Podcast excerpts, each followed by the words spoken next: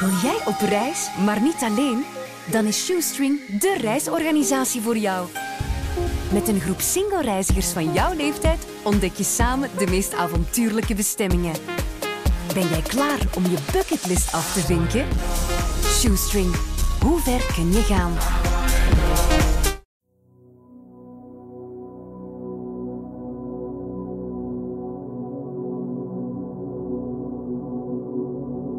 Het Nieuwe Testament, Romeinen hoofdstuk 1, versen 26 tot en met 32. Daarom heeft God hen prijsgegeven aan onterende hartstochten.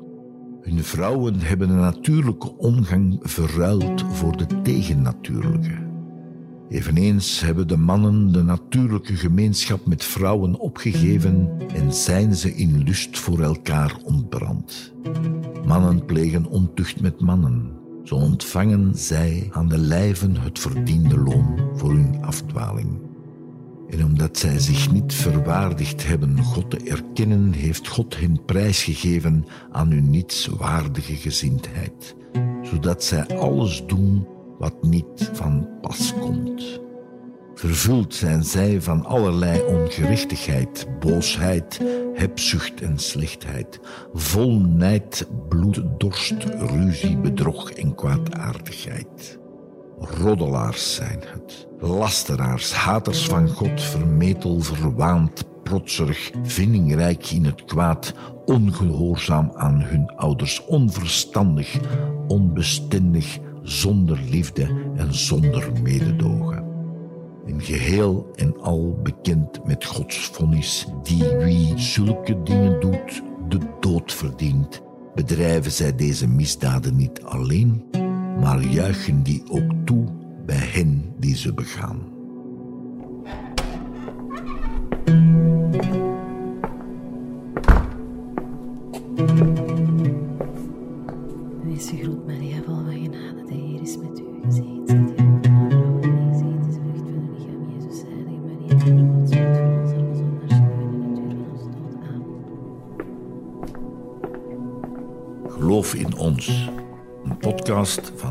Van Hoorstroom en de Morgen.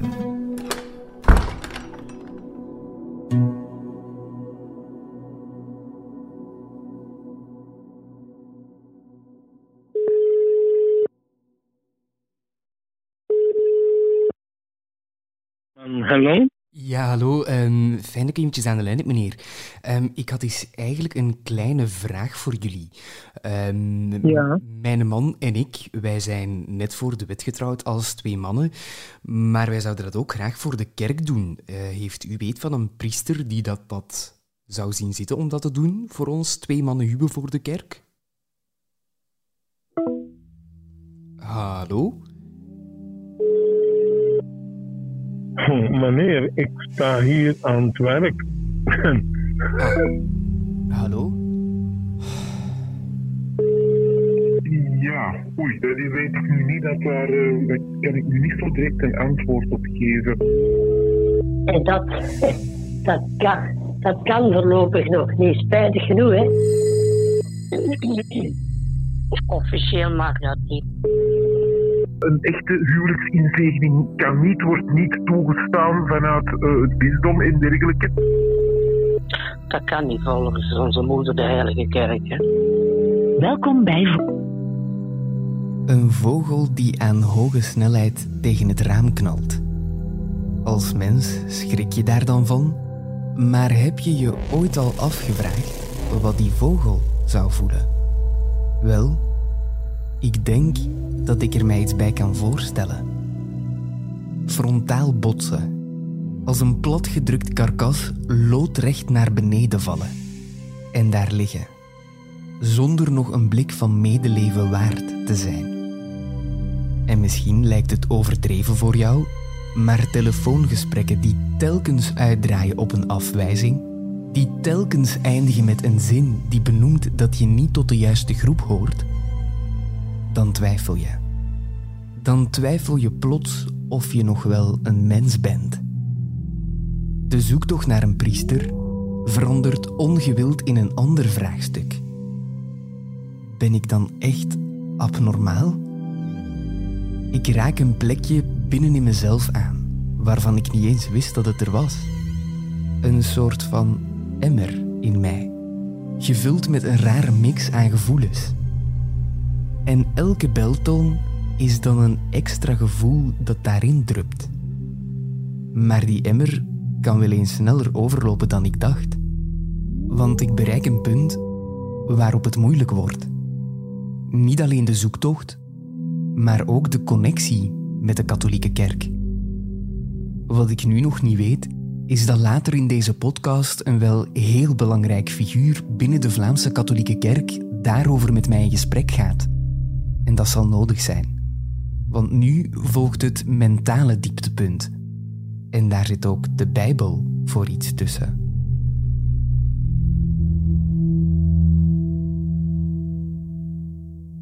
De Bijbel is het boek van de Joden en de katholieken, de christenen, laten we zeggen.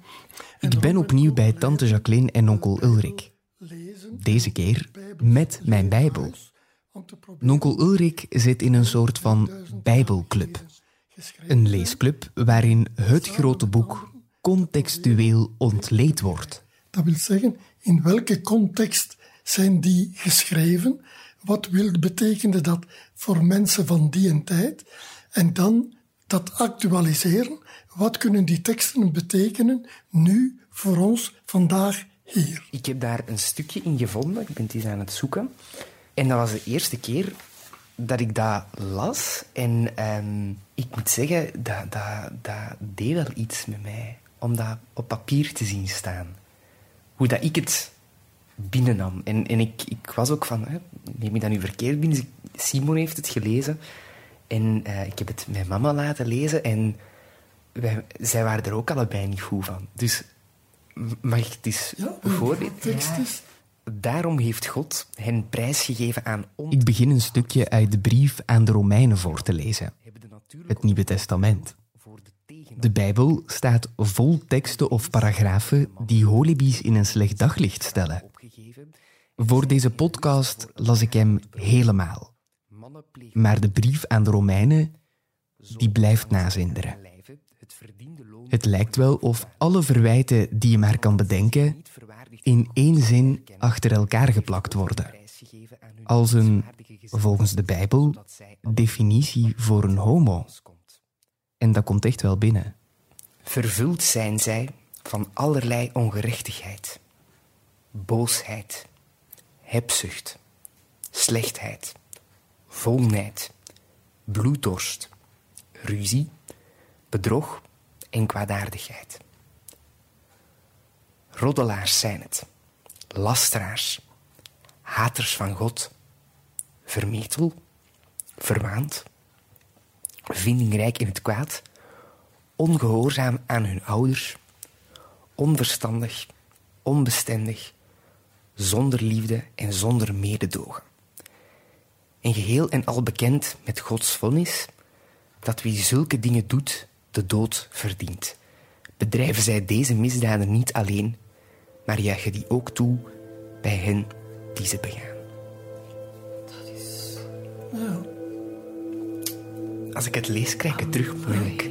Ja, ik zie het, Laura. Dat ontroert zich. Je moet weten. Ik heb er ook eh, geen antwoord op, maar Ik moet dood. Dat staat hier. Letterlijk. In mijn Bijbel. Een herwerkte versie. Hedendaagser. Ergens van begin de jaren 2000. Ikzelf kreeg hem in 2014. Op een katholieke school. En ik ben niet de enige die hem moest gebruiken tijdens het examen godsdienst. Deze tekst, deze pure doodsverwensing, de gal die wordt uitgespuugd over holibies, nog steeds krijgen duizenden kinderen en jongeren dat in hun bezit. Zonder enige duiding kunnen zij zulke publicaties dus als oké beschouwen. En dat doet echt pijn. Ik heb zelden een traan gelaten bij een boek of geschrift. Maar de brief aan de Romeinen, die raakt me. elke keer opnieuw. Als ik hem lees, hoor ik een zware mannenstem de woorden aan me dicteren. Een soort van God. Een belerende weliswaar, die mij moet bijbrengen wat echt telt. Die me zegt hoe het moet. Dat heb ik eigenlijk bij elke alinea in de Bijbel die zich tegen de holibies uitspreekt. Dat zijn er meer dan je denkt. Dat kan je ook horen aan mijn belerende God. Diegene die elke aflevering van deze podcast start. Elke tekst die hij voorleest gaat over mannen die op mannen vallen. Over mij. Elk woord voelt als een persoonlijke aanval. Parochies die de deur niet willen openen voor een holibie-koppel, dat is al erg genoeg. Maar een boek, en sorry voor de gelovigen onder jullie, dat haat bevat en nog steeds verspreid wordt over de hele wereld, dat is er voor mij te veel aan. Vol goede moed begon ik aan de zoektocht naar een priester. Maar nu, ik weet echt niet of het nog wel moet voor mij. De haat uit het boek, dat begin ook ik mij eigen te maken. Maar dan omgekeerd. Voor het instituut. De haat kijkt recht in de spiegel en wordt dan teruggecatapulteerd naar de verzender, de katholieke kerk. En ik vind het oprecht jammer. Ik had het echt anders voor ogen. Maar eens je negatief begint te denken, verval je al snel in die bekende neerwaartse spiraal. Plots lijkt het wel of ik enkel en alleen nog de misstappen van de kerk voor me zie.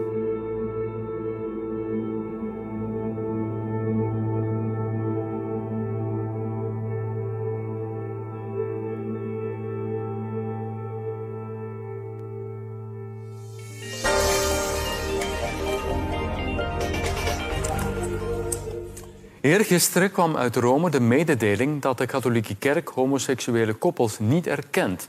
Laat staan dat een huwelijk zou kunnen. Het Vaticaan bevestigde het nog eens. Maart 2021. Een brief vanuit het Vaticaan, de drijvende motor achter de katholieke kerk, spreekt zich uit tegen homoseksuele relaties. Ik kon, samen met veel lotgenoten, mijn oren niet geloven. Gingen we er niet net op vooruit? En Paus Franciscus, die was toch vooruitstrevend? Een schokgolf raasde door de Holibie-gemeenschap. Ikzelf voelde woede, teleurstelling en verdriet. Hetzelfde gevoel dat ik nu in me heb, door mijn zoektocht. Maar in maart 2021 was ik niet de enige. Ook buitenstaanders zaten verveeld met de kwestie. Hallo. Hallo, Kees. Hey, hey. Stoor ik jou? Nee, nee, nee, nee, nee, nee, nee. Herinner jij je dan nog dat van in maart uh, 2000... Ik zit in mijn dagelijkse telefoongesprekken met mijn moeder. En ik keer samen met haar terug in de tijd, naar maart 2021. Weet jij nog wat jij toen dacht? Ik was verbouwereerd en ontzettend kwaad, omdat ik dacht van, dat gaat hier over mijn kind. En wie heeft dan het recht, toch zeker van zo'n instituut, dat eigenlijk enorm veel te zeggen heeft, of, of waar dat toch heel veel mensen hun hoofd of oren aan laten hangen. Ja, ik, ik kon daar niet bij dat zo'n bericht in deze tijd de wereld werd ingestuurd. Ik, ik vond dat erger dan wat dat ze over een ernstige crimineel te zeggen hadden, precies. Ik snap, ik snap dat gewoon niet. Dat, allee, ja, het, is precies of ja, het is een crimineel feit dat je geboren wordt als holibi. Ik denk dat ik letterlijk met mijn mond heb opengezeten. Ouders, familieleden, vrienden van mensen met een andere geaardheid gaan massaal in tegen het standpunt van het Vaticaan. Er ontstond toen een nieuwe vorm van protest. Je laten ontdopen. De banden met de kerk verbreken op papier. Ik heb er toen ook heel erg over nagedacht, maar deed het uiteindelijk niet. Al ben ik nu opnieuw aan het twijfelen. De priesters die me afwimpelen, de Bijbelse teksten, En ik weet dat standpunten zoals in maart. Misschien wil ik gewoon geen enkele connectie meer met zo'n soort instituut. Ik vraag me af of mijn moeder er destijds ook zo over dacht. In eerste instantie, maar dat is vanuit emotie dat je reageert. En in eerste instantie had ik ook zoiets van, ah wel, dat dat zo zit, dan zal ik mij ook eens laten ontlopen. Hè. Ah wel, dan hoeft dat voor mij ook niet meer. Maar toen dacht ik van, oh, ik werk ik wel voor een katholieke school. Maar als ik dat ga doen, oei, hangt mijn job dan ook? Allee, kan ik dat zomaar? En dan heb ik wel tegen mezelf, wat ik geleerd heb in de jaren, dat is van nooit handelen in emotie. En ik had zoiets van, ik ga dat nu niet beslissen, ik ga dat even laten bezinken. En ze liet zich niet ontdopen. Ze liet het los. Maar wat heeft haar daarbij geholpen? Ik denk, was het een dag zelf, een dag nadat dat eigenlijk is, die tekst. Toen is eh monseigneur Bonny in het VTM-nieuws gekomen.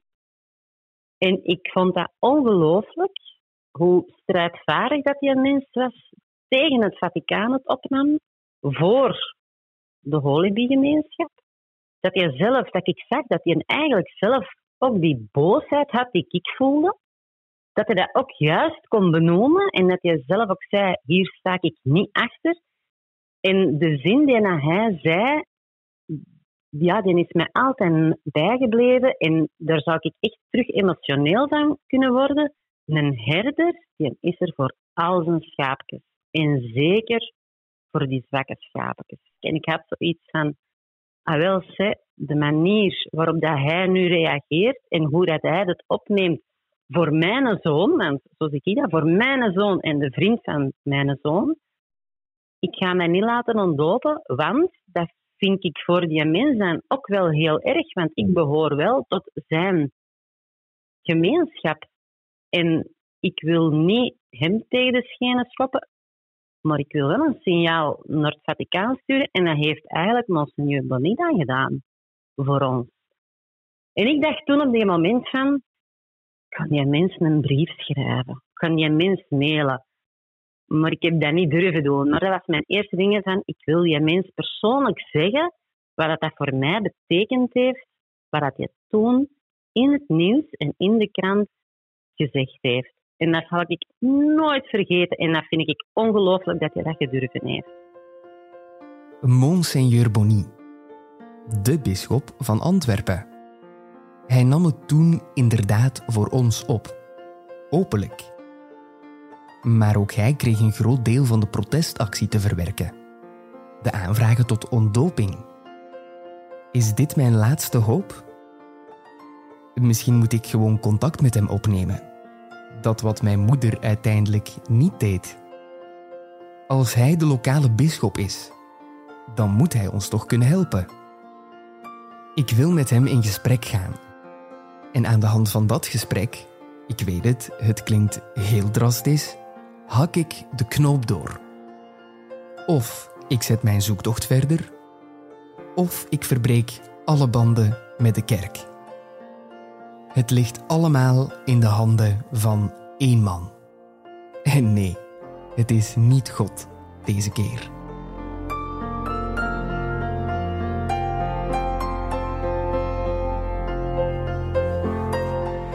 Ik ben onderweg naar huis van de winkel.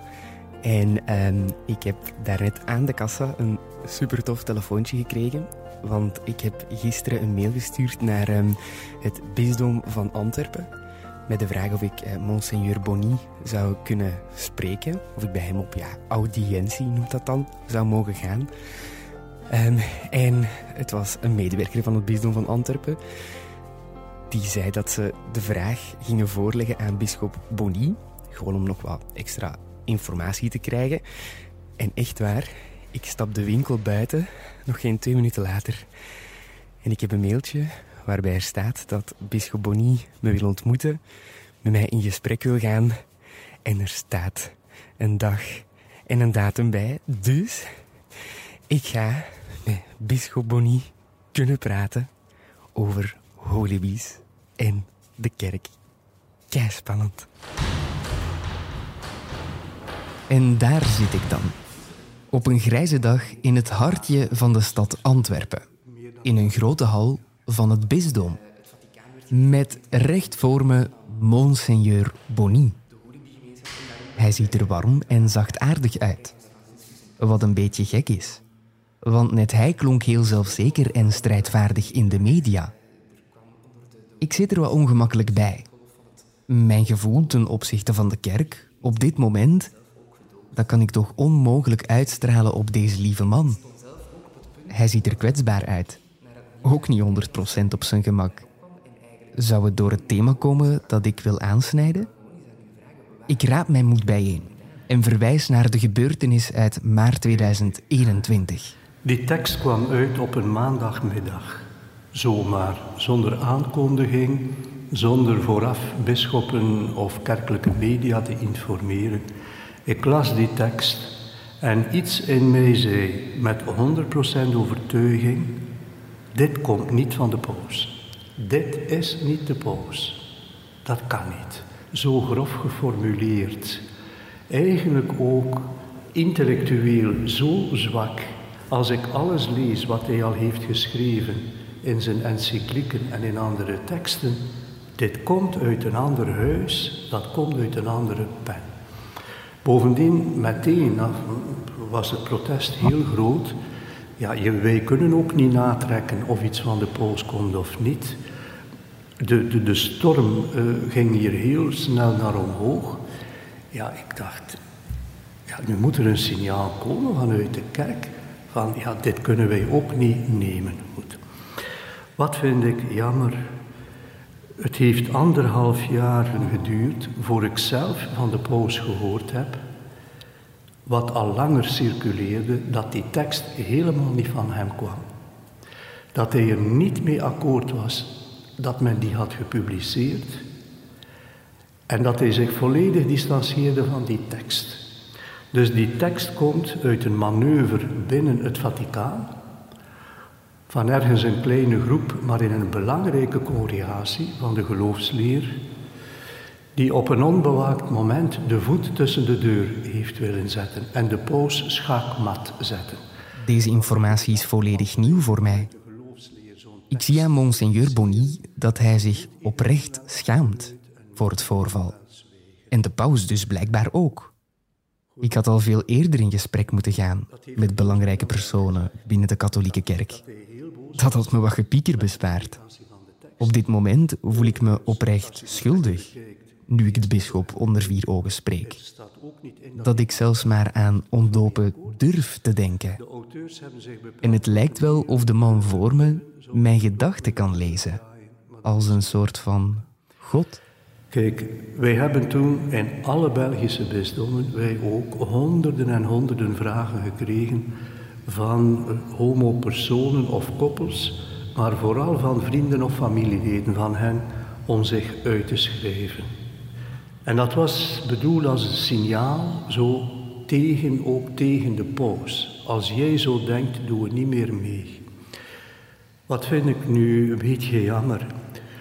De paus heeft de mensen die daar voor die tekst verantwoordelijk waren op hun plek gezet. En verwijderd uit de dienst waarin ze zaten. Die heeft heel kordaat ingegrepen, met sterke hand. Wij als bisschoppen hebben ons daarvoor van gedistanceerd, omdat we hier al twintig jaar of meer anders met mensen omgaan. En ik versta in een boze bui dat mensen zich uitschrijven maar het richt zich een beetje tegen de verkeerde personen.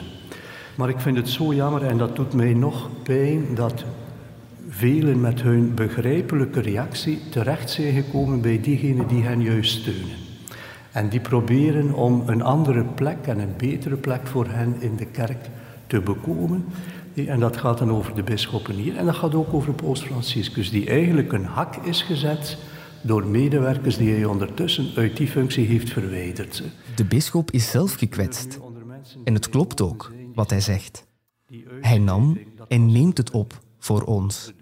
Voor mij. Moet net hij dan gestraft worden voor de fouten die anderen begaan? Toch blijf ik nog met één prangende vraag zitten. ondanks de mooie woorden van de bisschop. Wat is nu het officiële standpunt van de katholieke kerk over holibies? Kijk, de vraag wat is het standpunt van de katholieke kerk? Uh, dit is niet meer de taal die wij gebruiken. Er bestaat ook niet één standpunt voor heel de katholieke kerk. Zelfs als je naar Rome zou gaan en vragen aan verschillende kardinalen en dan nog eens aan de paus, wat is het standpunt van de katholieke kerk, dan zul je heel verschillende stemmen horen. Dat heeft te maken met afkomst en cultuur. Een Europeaan zal daar anders over spreken dan een Afrikaan of een uh. Bovendien in Europa zal een Pool of een Hongaar of een Spanjaard of een Vlaming daar ook nog eens onder, anders over, spreken. Omdat de culturele ervaringen daaromheen zo verschillend zijn. Goed, wat vind ik nu het mooie om toch over de katholieke kerk te spreken? Dat Paus Franciscus in de laatste jaren zegt over zulke belangrijke aangelegenheden die het privéleven van mensen betreffen, maar ook het functioneren van de samenleving, daar moet je het gewetensoordeel van mensen ernstig nemen. Als mensen ernstig nadenken over wie ze zijn, wat binnen hun mogelijkheden ligt en wat niet binnen hun mogelijkheden ligt, wat hun aard wel is of wat hun aard niet is. En als ze bovendien eerlijk proberen, als we vanuit de kerk kijken, om als christen dat te beleven en zich te spiegelen aan het voorbeeld van Jezus, wie hij was en hoe hij met mensen omging. En als ze dan een gewetensvolle beslissing nemen in het licht van het evangelie en ook redelijk verantwoord in hun situatie, dan moeten wij die gewetensbeslissing respecteren. Goed, dat is dus een eerste laag die ik echt wil onderstrepen. Het respect voor de gewetensvolle beslissing die mensen in casu christenen nemen in het licht van hun geloof, in het oog van God en rekening houdende met de feitelijke omstandigheden die hun omstandigheden zijn. En terwijl ik tonnen respect voor de Belgische tak van de katholieke kerk begin te krijgen, de mannen aan de lokale top die hebben geen enkel probleem met homoseksuele relaties, doet de bisschop er nog een schepje bovenop. Of zeg maar schep. Want wat je nu te horen krijgt, zorgt voor een compleet nieuwe wending in mijn zoektocht. Dan heeft de paus ook gevraagd, maar goed, wij deden dat al. Maar het, doet goed van te horen dat de paus het ook vraagt dat we dat zouden doen. Namelijk per bisschoppenconferentie een plan uitwerken van welke stappen wij verder zetten met homoparen. Goed, nu zijn wij met de Belgische bisschoppen zo goed als klaar met een uh, plan dat in de komende weken publiek wordt. Wat, uh, wat staat daarin? Eén, de respectvolle benadering van homopersonen en homoparen. De beschikbaarheid ook voor hun omgeving, voor henzelf en voor hun omgeving, maar voor hun ouders bijvoorbeeld, om daarover na te denken, dat te aanvaarden, daar zorgvuldig mee om te gaan. En ook de mogelijkheid voor diegenen die dat dan wensen, gelovige homoparen, om een liturgisch moment te hebben, waarin we Gods genade vragen voor de belofte die zij elkaar doen. Een liturgisch moment voor holibiparen. Dat is toch een huwelijk? Kan ik dan toch, plots, trouwen voor de kerk?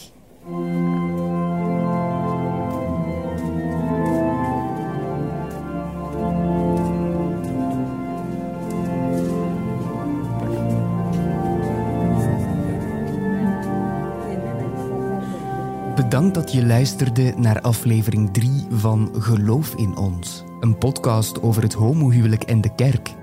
Geloof in ons is een podcastserie van Hoorstroom en de Morgen.